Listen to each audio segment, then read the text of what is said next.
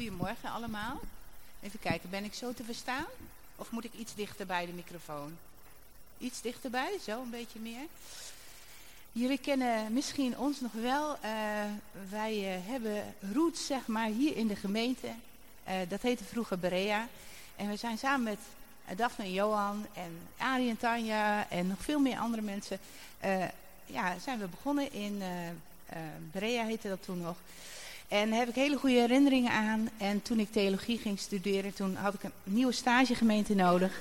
En toen zijn we naar Velp gegaan. En de laatste jaren ben ik voornamelijk uh, werkzaam als uh, uh, godsdienstonderwijzer, zeg maar, op openbare scholen. En ik ben bezig geweest als illustrator aan een boek over de gaven van de geest. Samen met een schrijver. En um, het is meer een kinder, een werkboek, een verhalenboek en een werkboek. En uh, de eerste drukproef is net binnen, dus uh, nou, ik ben benieuwd uh, wat daarvan gaat komen. Um, het gaat vandaag over de zorgzame kracht van God die draagt. Ik heb begrepen dat ik af en toe even rust moet nemen, omdat ze ondertussen vertaald worden. De vertaling van de preek was niet doorgekomen, begreep ik. Dus ze moeten op dit moment nog vertalen. Maar goed, Anders doe je af en toe maar even zo als ik te snel ga. Hè? um, ik begin met een verhaaltje over uh, twee uh, monniken die door het landschap liepen. En ze waren op weg naar een dorpje om daar mee te helpen om de oogst binnen te halen. En uh, op een bepaald moment kwamen ze bij een rivier en daar zagen ze een vrouw zitten. En die was een beetje van streek, want die wou over de rivier. En er was geen brug. En uh, er was ook geen boot. Dus ze dacht, hoe kom ik nou over de rivier?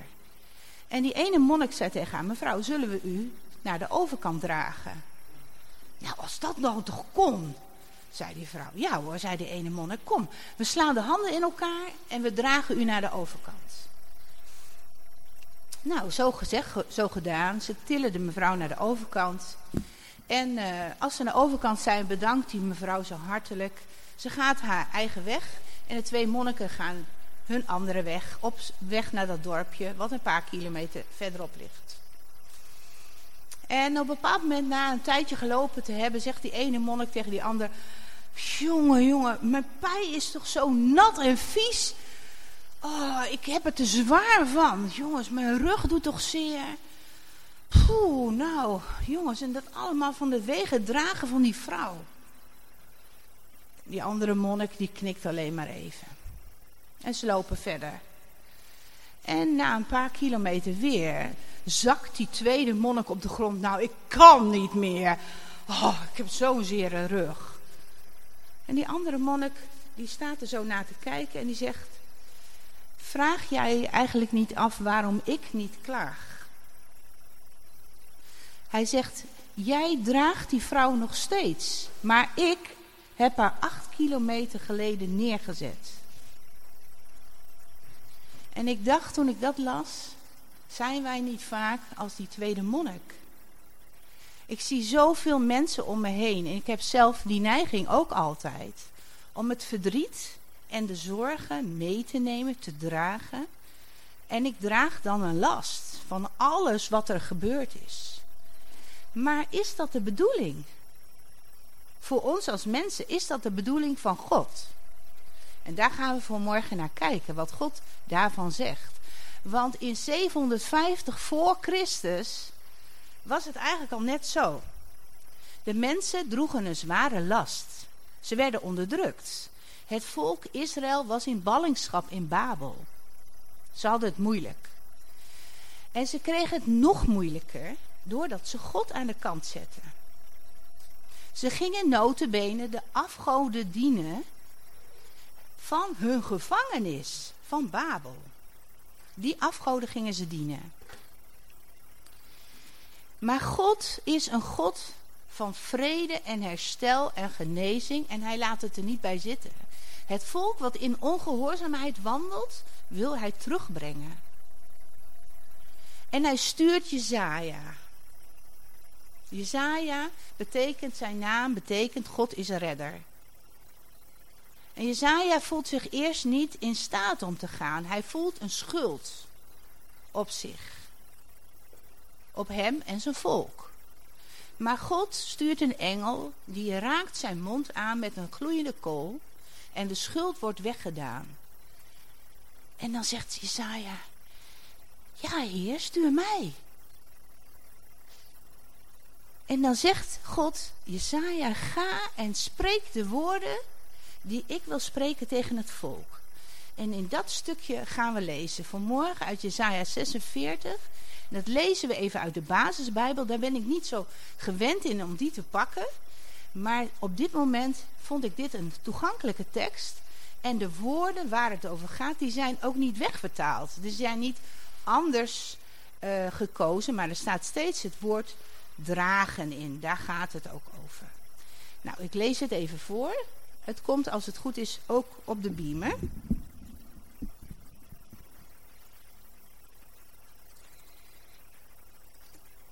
Jezaja zegt... De god Bel is omgevallen en de god Nebo scheefgezakt. De beelden worden op dieren weggedragen als buit van de vijand. De vermoeide dieren vinden ze maar zwaar. Bel en Nebo vallen om en zakken scheef. Ze hebben hun volk niet kunnen redden. Ze hebben zichzelf niet kunnen redden. En nu worden ze op dieren geladen en weggedragen. De Heer zegt: Luister naar mij, volk van Israël. Luister, overblijfsel van Israël. Ik heb jullie gedragen vanaf de dag dat jullie werden geboren. En ik blijf jullie dragen totdat jullie oud en grijs geworden zijn, want ik ben altijd dezelfde en ik verander niet. Ik heb jullie gedragen en ik zal jullie blijven dragen. Ik zal jullie optillen, dragen en redden. Met wie willen jullie mij vergelijken? Ben ik wel met iemand te vergelijken? Is er iemand zoals ik? De mensen schudden goud en zilver uit een geldbuidel en ze wegen het af op een weegschaal. Dan huren ze een goudsmid die er een god van moet maken. Ze knielen voor die god neer en ze aanbidden hem. Ze tillen hem op hun schouders, nemen hem mee en zetten hem op zijn plaats. En daar staat hij dan.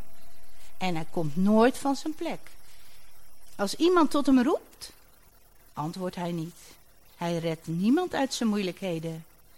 Denk hier eens over na. Word nu eens verstandig, jullie ongehoorzame mensen. Denk aan wat er vroeger is gebeurd. Ik ben God. En er is geen andere God. Er is niemand als ik. Al aan het begin vertel ik wat er aan het eind zal gebeuren. Ik spreek van tevoren over dingen die nog niet gebeurd zijn. En alles wat ik van plan was, doe ik. Luister naar mij, koppig en ongehoorzaam en onrechtvaardig volk. Ik ga recht spreken en dat zal niet lang meer duren. Binnenkort zal ik jullie komen redden. Ik zal goed zijn voor Jeruzalem en voor Israël. Ja, als je dat toch leest, wat een zorgzame God hebben we toch. Het volk is totaal afgedwaald van hem. Ze denken niet meer aan hem. Ze zijn alle wonderen en tekenen vergeten die hij ooit gedaan had. En hij belooft goed te zijn voor het volk wat afgedwaald is. Je moet weten dat het volk in Babel, de mensen in Babel, die hadden allerlei beelden waar ze machten en krachten aan toe hechten. Ze gaven ze zelfs namen. Zo was er een god Bel en er was er een god Nebo.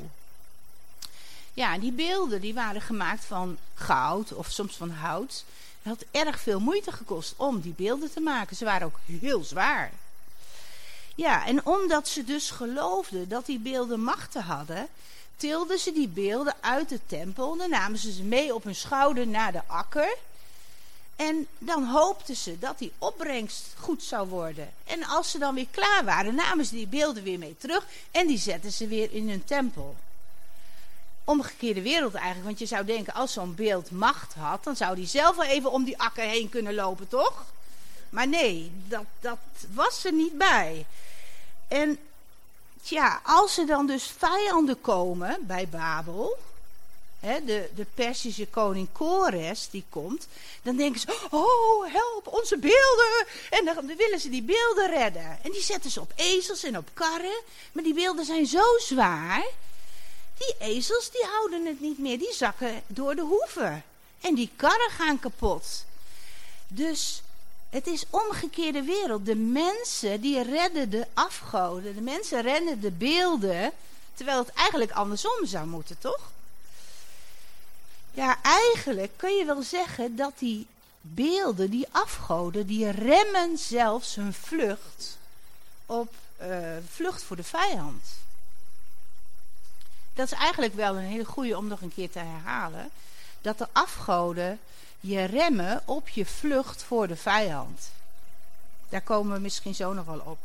Ja, wat heb je dan aan zulke goden, zou je denken? Ja, niets. Ze kunnen niets. Ze kunnen niet met hun ogen knipperen. Ze zijn maar een blok aan je been. En toch blijven de mensen erop vertrouwen. Ja, hoe is het mogelijk, denken wij nu? Ja. Maar het is altijd makkelijker om het gekke van iemand anders te zien dan van jezelf. Want daar ben je aan gewend. Ja, het woord wat in dit gedeelte heel vaak voorkomt, ik had het ook dik gedrukt, is dragen. Nou, dragen is optillen, boven de grond houden, ondersteunen. En het gaat in dit gedeelte, zoals je gelezen hebt, over het dragen van beelden door mensen en het dragen door God. En God wil ons in Jezaja 46 duidelijk maken dat Hij de enige is die ons redt. De enige. Hij wil ons daar zo van overtuigen dat het zelfs zichtbaar is in de woorden in Jezaja. Uh, doe maar even die ene sheet waar alleen dat ene stukje op staat. Van die tekst. De volgende. De volgende. Ja. Kijk, ik heb nu even iets anders dik gedrukt. Want je moet namelijk weten, in het Hebreeuws zie je altijd aan de werkwoorden om welke persoon het gaat. Dus je hebt in het Hebreeuws geen persoonlijk voornaamwoord nodig. Je hoeft niet te zeggen ik loop. Want aan het woord loop, met de uitgang erachter, kan je al zien om wie het gaat. Dus je zou dan kunnen zeggen lopie, dat is dan ik loop. Beetje gek natuurlijk, het is Nederlands-Hebreeuws, maar maar in dit gedeelte staan er dus persoonlijke voornaamwoorden aan toegevoegd. Die staan er extra bij. Om te beklemtonen dat God het is die draagt. Ik lees het nog even. En ik blijf jullie dragen totdat jullie oud en grijs geworden zijn. Want ik ben altijd dezelfde en verander niet. Ik heb jullie gedragen en ik zal jullie blijven dragen.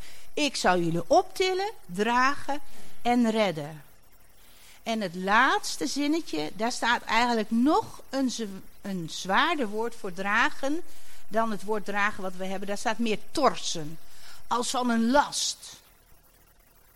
De Heer torst. Nou, het volk Israël is wel een soort last geweest, denk ik, voor de Heer, omdat ze zo ongehoorzaam waren. En ik bedacht me, zijn wij ook soms een last die hij moet torsen als we ongehoorzaam zijn. Want in hoeverre verschilt ons uh, leven met dat van een ongelovige? In hoeverre verschillen wij? Ik bedoel, veel christenen hechten nog steeds waarde aan geld en goederen. Veel christenen buigen nog steeds voor posities, ook in kerken, jammer genoeg. Veel christenen zijn nog steeds hechten veel waarde aan hun verzekering of hun carrière. En ja, aan de buitenkant is soms niet zoveel verschil te zien tussen een gelovige en een ongelovige. En ik vraag me dan af, staat het koninkrijk van God nog bovenaan ons prioriteitenlijstje? En we vertrouwen misschien wel meer op wat we hebben of wat we doen dan op de Almachtige. Ja, en pas als alles dan om ons heen wegvalt, als we ziek worden, of we raken onze baan kwijt, of de banken zijn failliet, en we onszelf niet meer kunnen beschermen, dan zal blijken op wie we ons vertrouwen gesteld hebben. Dat typeert ook een afgod. In de nood blijkt hij dood. En ik heb het zelf ook meegemaakt. Toen ik ziek werd en op de bank kwam te liggen en niks meer kon, voelde ik me daar het meest naar onder dat ik niks meer kon. En ik was wel echt een doener. En ik vroeg me af, was dat misschien mijn afgod geworden, het doen? Ook al was het doen voor God. Maar wat zegt God in dit stukje tegen ons? Hij vergelijkt zichzelf met de afgoden die mensen hebben rondgedragen. De afgoden die niets kunnen doen en niets doen. En hij zegt, je hoeft mij niet te dragen, want ik heb jou gedragen. En dat vind ik een mooie troost. Dat God ons al kende voordat we in de buik zaten. Dat is een troost dat hij elk ongeboren kind kent. Dat is een troost voor alle mensen die een kind hebben verloren. Dat God jouw kind kent. Dat is ook een troost voor alle mensen die oud en grijs zijn. In de gemeente waar wij nu naar God uh, door God naartoe zijn gestuurd, de Baptisten. Dat is 85% van de mensen ongeveer boven de 85. En dan zie je ook um, hoe moeilijk het soms is om oud te worden. Mijn schoonmoeder is 92, die zegt altijd: Ik heb PHPD, pijntje hier, pijntje daar. Maar uh, het is bij sommige mensen echt heel zwaar om oud te worden, omdat je ziek bent, je wordt gebrekkig. En dan mogen we weten dat God ons draagt, vanaf het begin tot het eind. En vanmorgen wil ik ook tegen je zeggen: als jij Jezus nog niet kent, Hij kent jou. Ik herinner me de Open Doorsdag van een aantal jaren terug. We zagen daar Helen. En um, ik had het boek gelezen van Helen. En daarom wou ik haar heel graag ontmoeten. En het eerste wat ze zei is: Wie heeft hier voor mij gebeden? Nou gingen heel veel handen omhoog. Toen zei ze: Dankzij jullie gebed ben ik hier. Want Helen was voor vanwege haar geloof was zij um, ehm, 31 maanden heeft ze gevangen gezeten in een container. En toen zij in de woestijn kwam en die containers zag staan, toen schrok ze heel erg. Toen ze zag dat dat de cellen waren. Want ze had net in de krant gelezen dat schapen doodgevroren waren vanwege de enorme temperatuurverschil. Dus overdag is het wel 40 graden en s'nachts kan het vriezen. En daar werd zij ingegooid met 19 andere vrouwen. Terwijl er eigenlijk maar 18 konden liggen. En ja, er waren luizen en vlooien in die container. En er werd een toiletemmer ingegooid. En daar moesten al die 19 vrouwen op. En die werd natuurlijk niet geleegd. Dus je kan je voorstellen wat voor stank dat was. En dan zat er een klein pijpje in die container waar dan zuurstof doorkwam. Een beetje. Want als je een kaars aandeed, dan was die kaars na twee uur uit. Dus dan was er geen zuurstof meer. En die vrouwen moesten daar wel in leven. En Helen die zei, laten we in deze omstandigheden God bidden en prijzen en danken. En dat deed ze. En ze ging bijbelstudies geven aan die vrouwen. En soms kwamen er zelfs muizen in de container. En daar bonden ze dan briefjes aan.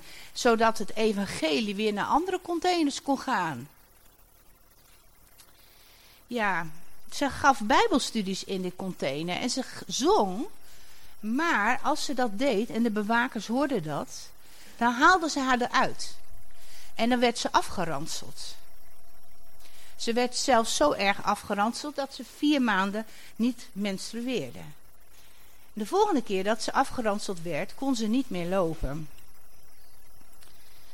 Dus ja, het kostte haar alles. God droeg haar in deze situatie om zijn licht te laten schijnen. Maar het kostte haar wel alles. Het kostte haar haar hele gezondheid. Maar op een dag zei Helen tegen een bewaker: Hoe meer u mij straft, hoe sterker ik word. Want God draagt mij. En God gaf haar kracht. Maar op een bepaald moment ging een bewaker haar zo afbeulen dat zijn uh, knuppel op haar kapot geslagen werd. En toen bonden ze haar met handen en voeten aan een boom. En daar moest ze van ochtends, ik geloof vijf uur had ik opgeschreven, tot s avonds zes uur of elf uur hangen.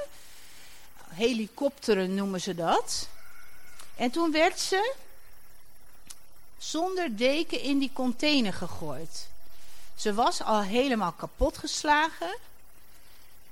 En ze dacht, als ik nu mijn ogen dicht doe om te slapen, dan ga ik dood.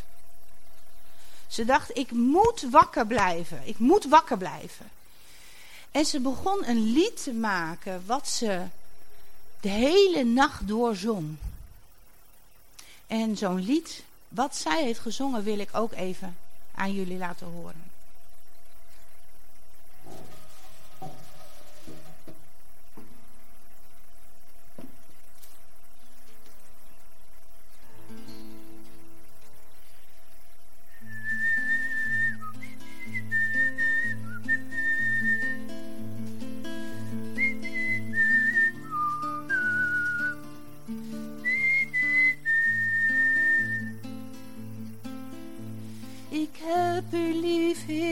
Zoek uw nabijheid. Ik wil u volgen, zelfs in deze tijd. Ik ben bereid om gevangen te zijn. Vertrouw u tot in eeuwigheid.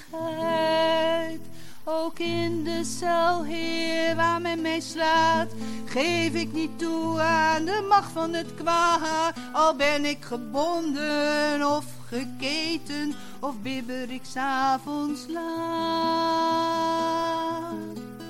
Ik zal blijven zingen, zolang ik leef, Heer, zo toon ik Jezus Christus steeds weer, al word ik nu belaagd en vreselijk uitgedaagd. Verlosser, u bent de levende die mij draagt.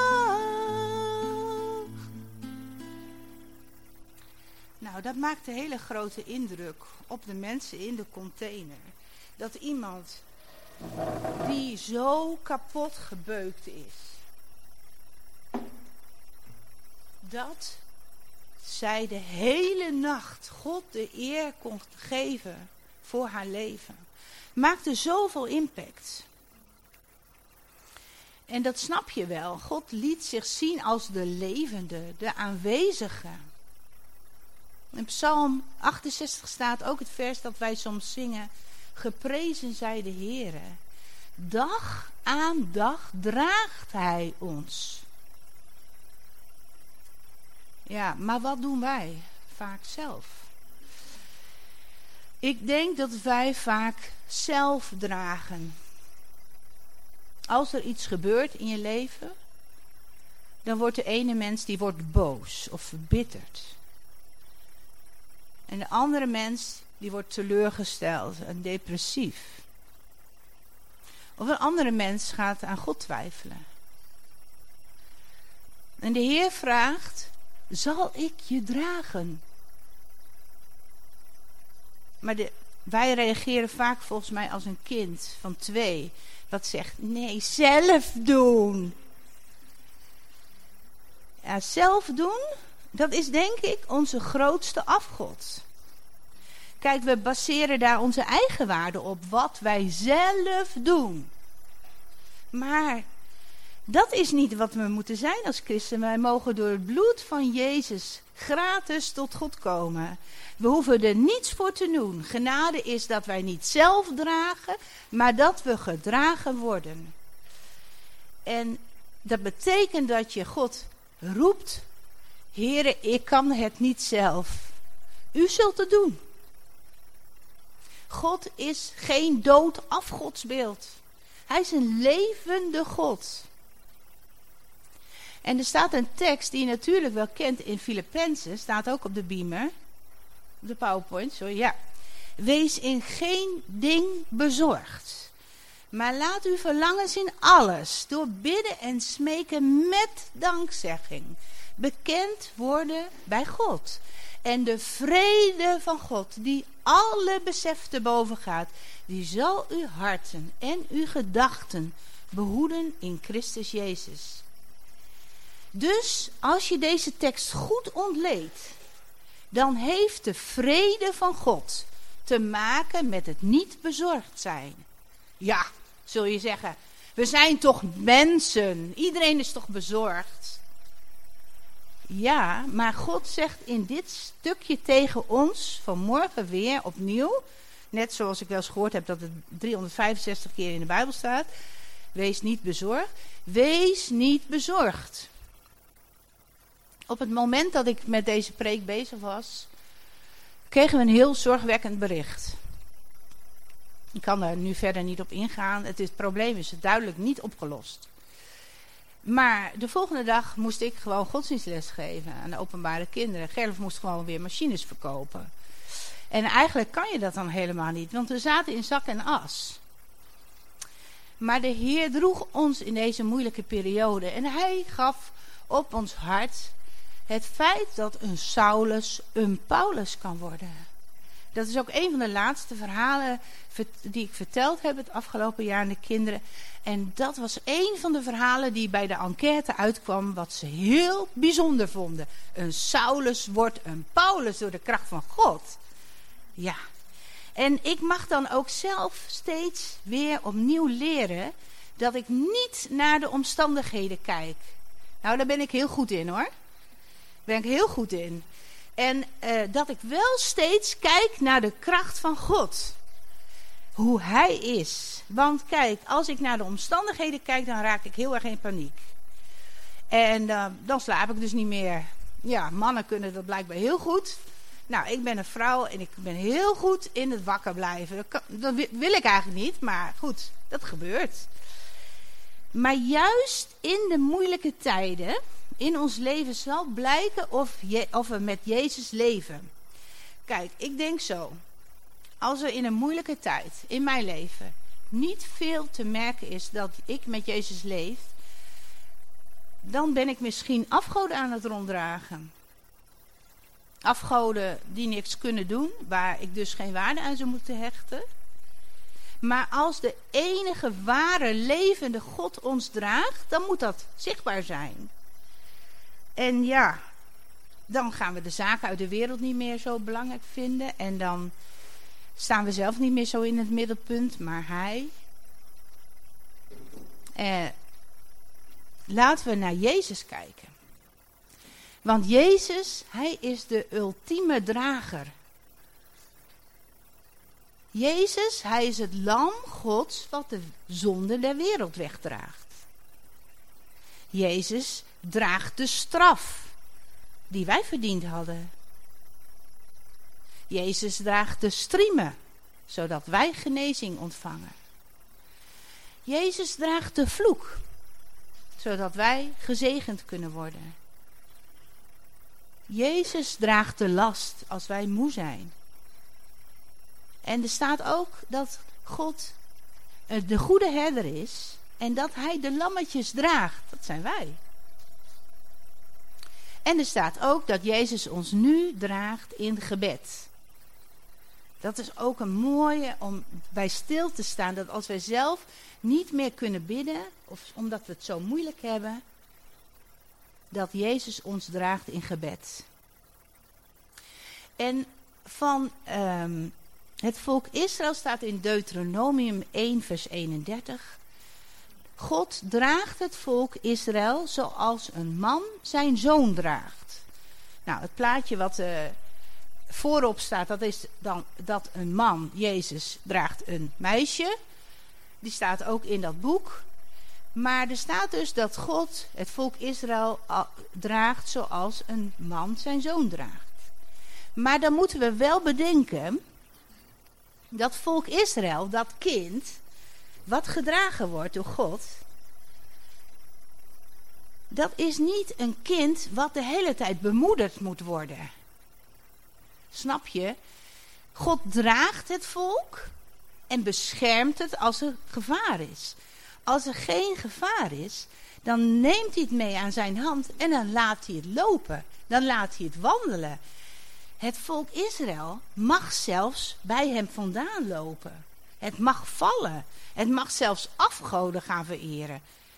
Dat vindt God natuurlijk niet fijn, maar hij geeft je de kans om te kiezen. En ik moest daar aan denken. Kijk, ik heb kinderen van 17, 20 en 24. En ik moet er toch niet aan denken dat die kinderen nu nog in de box zitten. Ja, het is heel erg als dat met sommige kinderen wel moet, omdat ze gehandicapt zijn. Maar elke ouder hoopt dat zijn kind uit de box gaat. Zelf gaat lopen. Maar ja, buiten de box is de gevaarlijke wereld. Er kan heel veel fout gaan. En wij als ouders hopen dan maar, en bidden natuurlijk, dat ons kind aan de hand van Jezus buiten de box gaat wandelen. En als we dan buiten de box wandelen, merken we dan dat Hij ons draagt. Ik heb letterlijk meegemaakt dat de Heer mij droeg. Het was namelijk zo, ik was geroepen om naar een land te gaan waar ik niet over Jezus mocht vertellen. Want dan zou grote gevolgen hebben. Ik noem het land nu even niet, omdat het opgenomen wordt en daar zijn ze nogal gevoelig voor. Maar ik was bang. Want als ik daar moest doen wat, ik, wat hij me had opgedragen, dan zou dat grote gevolgen voor mij kunnen hebben. Zodat ik misschien niet terug zou komen. Dus ik zat wat tegen te strubbelen met de Heer in gebed. Van, geeft u me bevestiging daarvoor en zo. Ik durf niet. En op een bepaald moment maakte ik een gebeurtenis mee. Toen liep ik in Warnsveld van de school van mijn jongste terug naar huis. Maar ik wou een stukje afsnijden. Dus ik liep over het parkeerterrein bij de Lidl. Daar sneed ik die hele hoek af. Daar heb je een heggetje. En daar staat een elektriciteitshuisje. En ik denk, oh, stap ik even over dat heggetje dan heb ik die hele hoek afgesneden. Maar ik wist niet dat de grond daarachter veel lager was dan daarvoor. Dus ik stapte over dat heggetje. Ik ging finaal onderuit. Er kwamen echt allemaal mensen van, gaat het wel, gaat het wel? Maar met dat ik viel, dacht ik twee dingen. En één, uh, nou moet ik wel wat gebroken hebben. Zo hard viel ik. En twee, hè, het voelt alsof ik in een dekbed val. Dus de volgende dagen zat ik de hele tijd kijken of ik blauwe plekken kreeg en zo. En, en helemaal niks. En uh, toen besefte ik elke keer hoe dat had gevoeld dat ik viel. Nou, dat was een behoorlijke klap geweest. Maar toch viel het, uh, voelde het alsof ik in een dekbed viel. En toen dacht ik, nou heer, als u mij zo kunt uh, vangen als ik val dan durf ik ook te gaan. En ik ben gegaan. En ik heb daar iemand gesproken die de streng verboden woorden aan mij vroeg. Why did Jesus die on the cross? Daar was ik op voorbereid. En zonder dat we ergens afgeluisterd werden, heb ik dat kunnen vertellen. En godzijdank ben ik ook teruggekomen. Ik was blijkbaar nog niet klaar met mijn taak hier op aarde. Als we nou terugkijken naar dit gedeelte in Jezaja. Wat zou onze toepassing kunnen zijn op dit gedeelte? Onze reactie. Nou, ik zie zo een handvol reacties. Daar heb ik ook een sheet van. Ja. En ik ga ze bij langs. En je moet zelf maar kijken wat jou aanspreekt. Maar ik hoop dat je een van die toepassingen mee zult nemen om gedurende je verdere leven mee aan het werk te gaan. De eerste is dankbaarheid. Als we beseffen dat God ons draagt, hoe dankbaar mogen we dan wel niet zijn voor alles wat Hij doet in ons leven? En net zoals ik al zei, ik ben altijd heel goed om de negatieve dingen meer nadruk te geven dan de positieve dingen. En uh, tenminste in mijn hoofd dan, hè. He, daar denk ik dan veel aan als het fout gaat en zo. En toen ben ik begonnen met uh, het opschrijven van alle dingen uit mijn leven waarvan ik merkte dat God mij gezegend had of dat hij me hielp op gebed. En uh, ik ging dus zelfs terug tot in de kindertijd dat ik me dingen herinnerde. Hele bijzondere gebedsverhoringen, um, Nou, ik ben nu bij punt 165. En ik ga nog door, omdat ik voor mezelf al wil weten dat ik deze dingen niet vergeet die God in mijn, onze levens heeft gedaan. Maar ook om hem de eer te geven op het moment dat ik het even niet zo zie zitten. Omdat ik me te veel focus op de omstandigheden. En dat ik dan er even weer lees. Oh ja, ja, weet je wel, hij kan het wel. Hij heeft het toen en toen ook gedaan. Dus dankbaarheid. Ten tweede zou het ook ontspanning mogen geven. Als God draagt. Is nog iets wat ik nog mag leren. Ontspanning. In zoverre dat ik dan s'nachts het ook echt allemaal gewoon bij de Heer. Dan breng ik het wel bij de Heer. Maar dan draag ik het toch nog een beetje zelf. Maar de ontspanning, als hij het draagt, dan hoeven we zelf niet meer zo krampachtig alles in de gaten te houden. Dan kunnen we rustig slapen, dan hoeven we niet meer bang te zijn, omdat we weten dat hij zorgt. Sommige mensen zeggen dan, ja, nou, laat je kinderen gewoon lekker los, joh, God zorgt wel en zo. Daar krijg ik het altijd een beetje Spaans benauwd van. Want ik voel altijd wel heel sterk, God heeft mij wel de verantwoordelijkheid gegeven om hen op te voeden als moeder.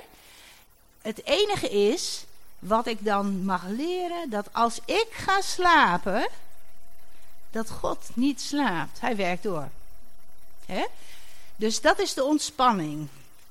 Hij is in controle. En ten derde zou dit Bijbelgedeelte ons vrijheid kunnen geven. Als je bedenkt dat Hij je draagt in gevaar en bescherming, dat Hij je draagt zoals een man zijn zoon draagt, maar dat Hij ook wil dat je leert lopen aan zijn hand. En dat betekent dus dat je ook vrijheid hebt. Dan hoef je dus niet bij alles te vragen: Heer, moet ik dit, moet ik dat? Dan zegt hij: Ga, mijn kind, ga met mijn geest, ga Doe wat je hand voelt om te doen. En als het niet van mij is, dan sluit ik de deur wel. Maar probeer. Het is eigenlijk net als een draaideur in een winkel, hè. Als je ervoor blijft staan... Nou, hij gaat echt niet open, hoor. Het draait niet. Maar op het moment dat ik een stap zet, dan gaat die deur draaien. En zo voel ik het ook wel vaak. Soms moet ik gewoon iets doen. Dan denk ik, oh, ik ben in de hurry van de wereld. Heer, is dat eigenlijk wel uw bedoeling? Maar het is goed. Het is goed, het staat in het woord enzovoort. Nou, ik zie wel. Ik zie wel wat er van komt. Vrijheid. En ten vierde zou het ons ook bewust kunnen maken van afgoden. Zijn er nog afgoden? Zijn er nog dingen die je doet als je het moeilijk hebt, voordat je de Heer raadpleegt? wij hebben de gewoonte nu ontwikkeld om voordat wij naar het medicijnkastje lopen, om uh, paracetamol of zo te halen, om eerst te bidden. Om eerst de Heer de, kracht, de, uh, de mogelijkheid te geven om ons te genezen. Het effect daarvan is dat dat medicijnkastje heel vaak dicht blijft. Deze week, of nee, het was vorige week, want die preek schreef ik natuurlijk vorige week. Vorige week hebben we het nog uitgevoerd want Gerlof is naast zijn werk ook imker. En er waren bijen in zijn pak gekomen. Dus hij was helemaal lek gestoken. Ik zat in de tuin met iemand te praten en hij kwam en hij zegt, oh, ik ben helemaal gestoken. Nou, dat had je niet hoeven zeggen, dat zag ik wel. Hij zat eronder. En zijn gezicht was helemaal gezwollen en zijn handen en zijn voeten ook. En ik schrok ervan hoe hij eruit zag. En, en ik zei, ja, laten we eerst bidden. Dus ik bad en ik, ineens kwam de tekst van op slangen en schorpioenen zullen we stappen en gif zullen we drinken. En dat proclameerde ik ook uit. En toen zei ik, nou wil ik nog even de eerste hulp bellen van waar moet ik op letten als het fout gaat. Dus toen vroegen ze, is hij benauwd, is zijn tong dik? Oké, dat gaf mij even rust van waar moet ik op letten. Maar de Heer heeft binnen een uur al die zwellingen doen afnemen. En uh, hij heeft ook helemaal geen pijn gehad en geen jeuk. Hij had alleen na een nacht slapen dat zijn ene oog helemaal dicht zat. Was hij, eh, lag net een soort leguaan bij me in bed. Ja, maar verder, ja. was echt heel eng. Maar goed, uh, ja, bewust maken van afgoden. Steunen we op de Heer of steunen we op andere dingen? En ten vijfde, voorbereiden schrijf ik. Voorbereiden betekent voor mij tijd met de Heer doorbrengen. Dan moet ik denken aan het verhaal van Esther aan Kiem. Ik zal het kort vertellen. Zij moest buigen in haar land voor Japanse afgoden. Maar dat weigerde ze, want ze wou alleen voor Jezus bidden. En ze, ze wist, ik kom in de gevangenis als ik dit weiger. En uh, ze wist hoe de gevangenis was. En ze dacht, ik moet me voorbereiden. Dus ze ging s ochtends vroeg bedorven voedsel zoeken om dat te eten, om haar lichaam te harden. Ze ging gewoon op de vloer liggen, zonder in bed te gaan, zonder deken, om zichzelf te harden. Ze ging de hele, nou, hoofdstukken uit de Bijbel ging ze uit haar hoofd leren. En ze ging heel veel in gebed, omdat ze heel bang was om gefolterd te worden. En tijdens het gebed wist ze ook die angst aan God te geven. En toen kwam ze inderdaad in de gevangenis. En daar wist ze een licht te zijn in de duisternis. Ze wist daar mensen te helpen. Ze nam niet genoegen met het lijden wat haar daarover kwam. Maar ze vroeg elke dag, Heer, wie mag ik lief hebben in deze cel namens u? En de bewakers die zagen dat zij een licht was in de duisternis. En zo, aan het eind van deze preek, denk ik dat ik me voorneem om elke keer als ik een zorg wil gaan dragen, dat ik in gebed naar de Heer ga, naar zijn balie, zo stel ik me dat dan voor. Ik breng mijn zorg bij Hem. Ik bid daarvoor en ik dank Hem voor wat Hij al gedaan heeft in mijn leven. En dan doe ik mijn handen open. En dan ontvang ik in geloof de vrede die hij beloofd heeft in Filippenzen. En wat hij doet, wat hij, wat hij, hij doet wat hij belooft. Want dat is de zorgzame kracht van God die draagt. En hij komt binnenkort terug om te redden de mensen die hij heeft mogen dragen. Amen.